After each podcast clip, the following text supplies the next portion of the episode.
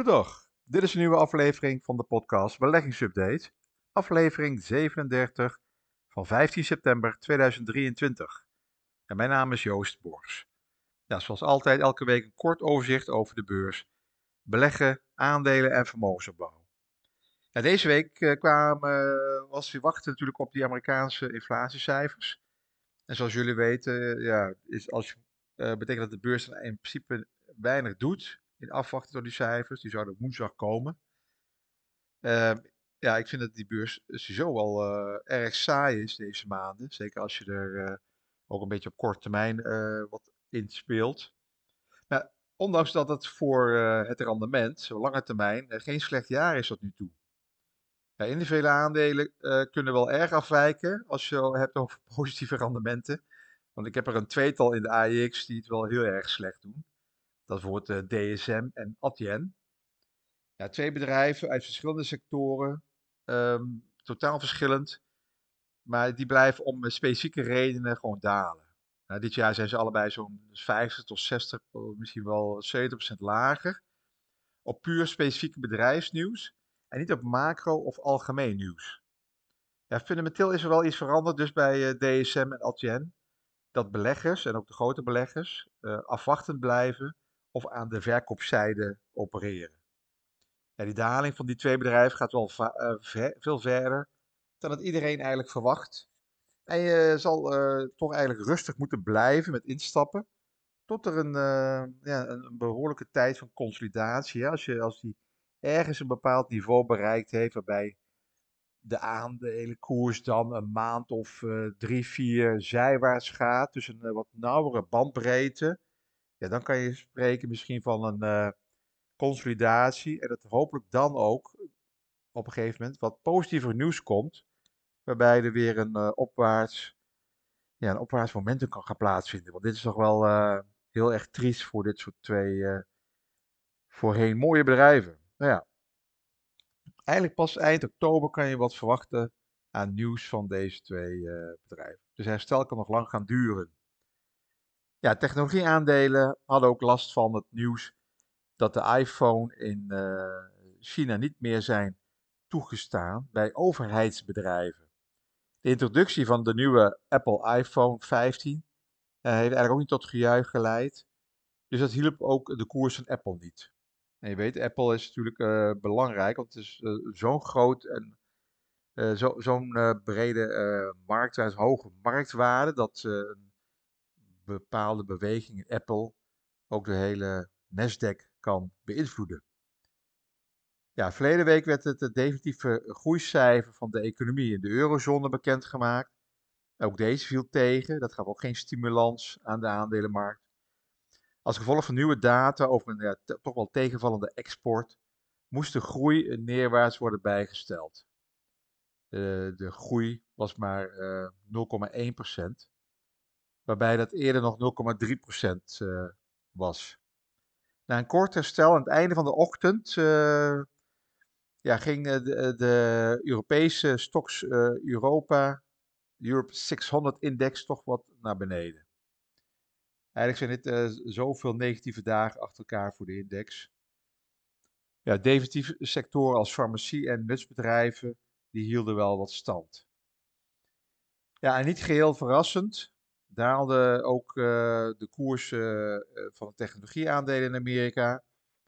Naast natuurlijk het verhaal van China met betrekking tot iPhones, waar ook de wekelijkse werkloosheidsaanvragen je debet aan. Dus het, weet je, het zijn allemaal cijfers die uh, een beetje vertekend beeld geven van de economie.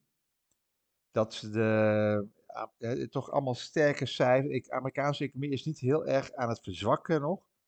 Ook nog die hoge olieprijzen. Daar hebben die Amerikaanse, heeft de Amerikaanse centrale bank wel moeite mee om uh, te zeggen van nou we stoppen met de renteverhoging of we gaan de rente verlagen. Nou, het inflatiecijfer van deze week, van afgelopen woensdag, uh, was uh, toch wel iets slechter dan verwacht. Het was dus wat 1 tiende 0,1% hoger dan verwacht. Ja, dit haalt de verwachting van een rentedaling of pauze toch wel naar beneden. Hoewel inflatie de afgelopen tijd de goede kant op beweegt, ja, is die inflatiegeest nog niet terug in de fles. de Fed houdt er nog steeds rekening mee dat de inflatie weer kan gaan stijgen. Wat betreft goederinflatie zien we wel een sterke daling. Behalve olie en gas, maar gewoon de algemene goederen. De vertraagde werking van, die van de hoge rente doet daar wel zijn werk. Je ziet dus wel een beetje een afzwakking van de economische groei, maar niet sterk genoeg om die inflatie uh, uh, fors naar beneden te brengen. Ja, de zorg van de Fed ligt vooral bij de diensteninflatie. Die is essentieel voor de prijsstabiliteit op langere termijn. Ja, diensten zijn arbeidsintensief en de arbeidsmarkt is nog te krap. je ziet hier ook in Nederland uh, loonsverhoging na loonsverhoging. Ja, dat houdt die inflatie natuurlijk, die, die, die, die kosten worden gewoon doorberekend. Om inflatie op een lange termijn naar een doelstelling van 2% te krijgen, is een verdere afzwakking van de economie nodig hoe uh, slecht het ook klinkt, maar je hebt eigenlijk gewoon meer werkloosheid nodig. En uh, als arbeid vrij verkrijgbaar is, dan drukt dat de loonkosten. Ja, heel simpel, als, iets, als er van iets heel veel is, dan zal dat de prijs drukken. Ja, dus die olieprijsstijging hè, van verleden week, dat telt natuurlijk ook niet. Hè. Dus de prijs van een vat olie is sinds eind juni ruim 20% gestegen ja, vrees voor tekort als gevolg van uh, die productiebeperking door de OPEC-landen heeft de prijs van het, ja, het zwarte goud omhoog gestuurd. Ja, dat valt eigenlijk niet helemaal te rijmen met die afzwakking van de wereldeconomie.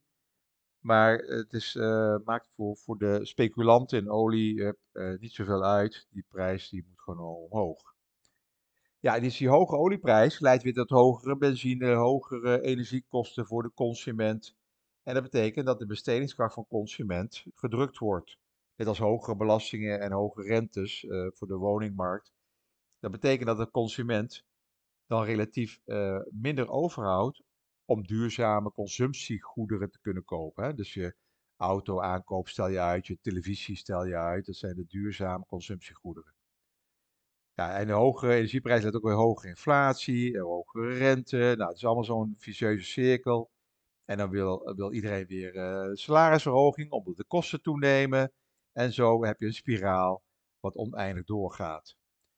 Ja, dus de, die centrale banken die kunnen natuurlijk die energieinflatie niet beteugelen. De centrale bank kan niet zeggen we gaan wat energie, we gaan wat olie bij uh, pompen. Dat kan wel de Amerikaanse regering doen. Die hebben uh, genoeg oliereserves. Die kan in één keer natuurlijk die prijs drukken door heel veel vaten op te pompen en op de uh, markt te gooien. Ja, dus dat is het, het, het, het, spel waar die centrale banken in zit. Hè, tussen die, eh, die economie willen ze naar beneden hebben, ze willen de inflatie naar beneden hebben, want vooral de loongolf. Uh, maar ja, dan, dan krijg je de OPEC zegt van nou, we gaan de olieprijzen verhogen. Dus er zit dat weer tegen. Het is allemaal niet zo makkelijk. Nou, dus dat, we moeten kijken hoe het de komende maanden, we gaan weer richting de winter straks. Hè. Hoewel het hier nog steeds 30 graden is of 25 graden. Mooi zonnig weer. Maar we gaan wel richting winter en moeten kijken hoe daar die olieprijzen op gaan uh, reageren. Ja, dus we, kan uh, we, zitten dus in september. Hè, de herfst uh, die is er nog niet echt, maar dat zal wel gaan komen. Maar september is wel een van de meest bekende maanden voor de beurs. Waarin de financiële wereld, hè, je zegt sell, sell in May and go away, but remember to come back in September zo die gezegden die ik in, in de podcast van de maand mei elke keer bespreek. Ja, dit geldt dan wel voor die korte termijn beleggers, want een lange termijn belegger zal wel iets voorzichtiger zijn. En zal het niet uh, de afgelopen maanden zijn totale portefeuille aandelenbelang van de hand hebben gedaan. Want dan heb je wel wat percentages gemist natuurlijk. Hè? De aandelenbeurs uh, heeft het toch redelijk nog relatief goed gedaan. Maar september is wel een historische, een matig tot slechte maand voor beleggers. En nu nog even afwachten of het ook dit jaar geldt. Nou, wat er nu ook uh, weer komt na de zomer, dat zijn weer beursintroducties. Dat hebben we de hele tijd niet gehad, hè? misschien niet zoveel. Maar dit is wel het slechtste jaar qua beursintroducties. Bedrijven die naar de beurs gaan en hun aandelen willen plaatsen en eigenlijk zo hoog mogelijk willen verkopen. Maar er komen er twee. Hè, de Britse chipfabrikant ARM, ARM, die is interessant. Eigenlijk hopen zakenbankiers dat dit een uh, impuls gaat geven, dat een nieuwe succesvolle beursgang van uh, ARM een nieuwe golf aan beursintroducties los zal maken. Het is nog maar de vraag hoe indicatief een succesvol debuut van die chipontwerper kan zijn voor de rest van de markt. Ten eerste is het feit dat de chipsector zo'n beetje de enige sector is die dit jaar goed presteert op de beurs. Beleggers lijken niet aflatende honger te hebben naar bedrijven die actief zijn op de markt voor microprocessors. En zullen dan ook wel graag instappen bij ARM.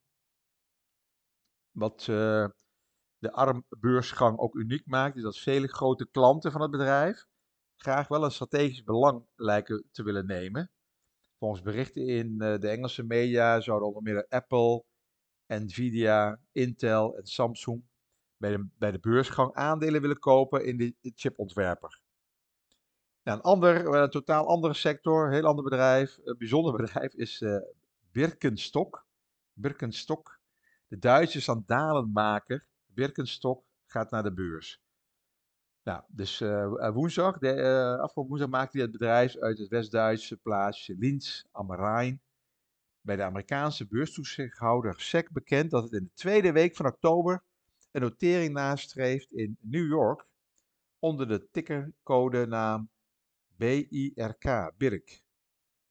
Het bedrijf mikt op een beurswaarde van tenminste 8 miljard dollar, volgens uh, persbureau Bloomberg, op basis van informatie van de anonieme kenners. De beurswaarde kan volgens experts zelf oplopen tot 11 miljard dollar als het bedrijf zichzelf etaleert als lifestyle aandeel.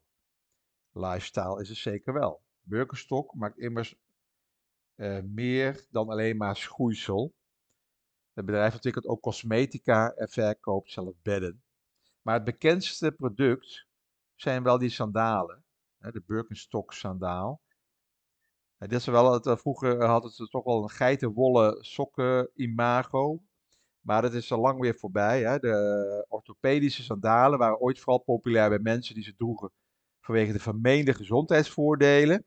Maar de afgelopen jaren zijn ze steeds populairder geworden bij modebewuste, hoogopgeleide stedelingen. Nou, toen deze zomer actrice Maggie Roberts als Barbie op een knalroze paar Birkenstocks op het grote doek schitterde, gaf dat de verkoop een extra impuls. Dat is ook te zien in de cijfers. Vorig jaar gingen er ongeveer 30 miljoen Birkenstocks over de toonbank. Ja, die omzet is in een kleine 10 jaar bijna verviervoudigd. Van zo'n 300 miljoen euro in 2014 naar uh, bijna anderhalf miljard in 2020. En de bruto winstmarge was ongeveer 60%. Je kan naast uh, zijn er natuurlijk uh, meer in Amerika genoteerde van dit soort dingen te kopen die trendgevoelig zijn, zoals Crocs. Dan moet je even kijken hoe die grafiek van Crocs zich heeft ontwikkeld de laatste 8 tot 10 jaar. Oké, dank voor het luisteren. Alles op persoonlijke titel. Geen direct beleggingsadvies. Uh, niet, en uh, zeker niet bedoeld als beleggingsadvies. En we zitten op openbare informatie. Tot de volgende week.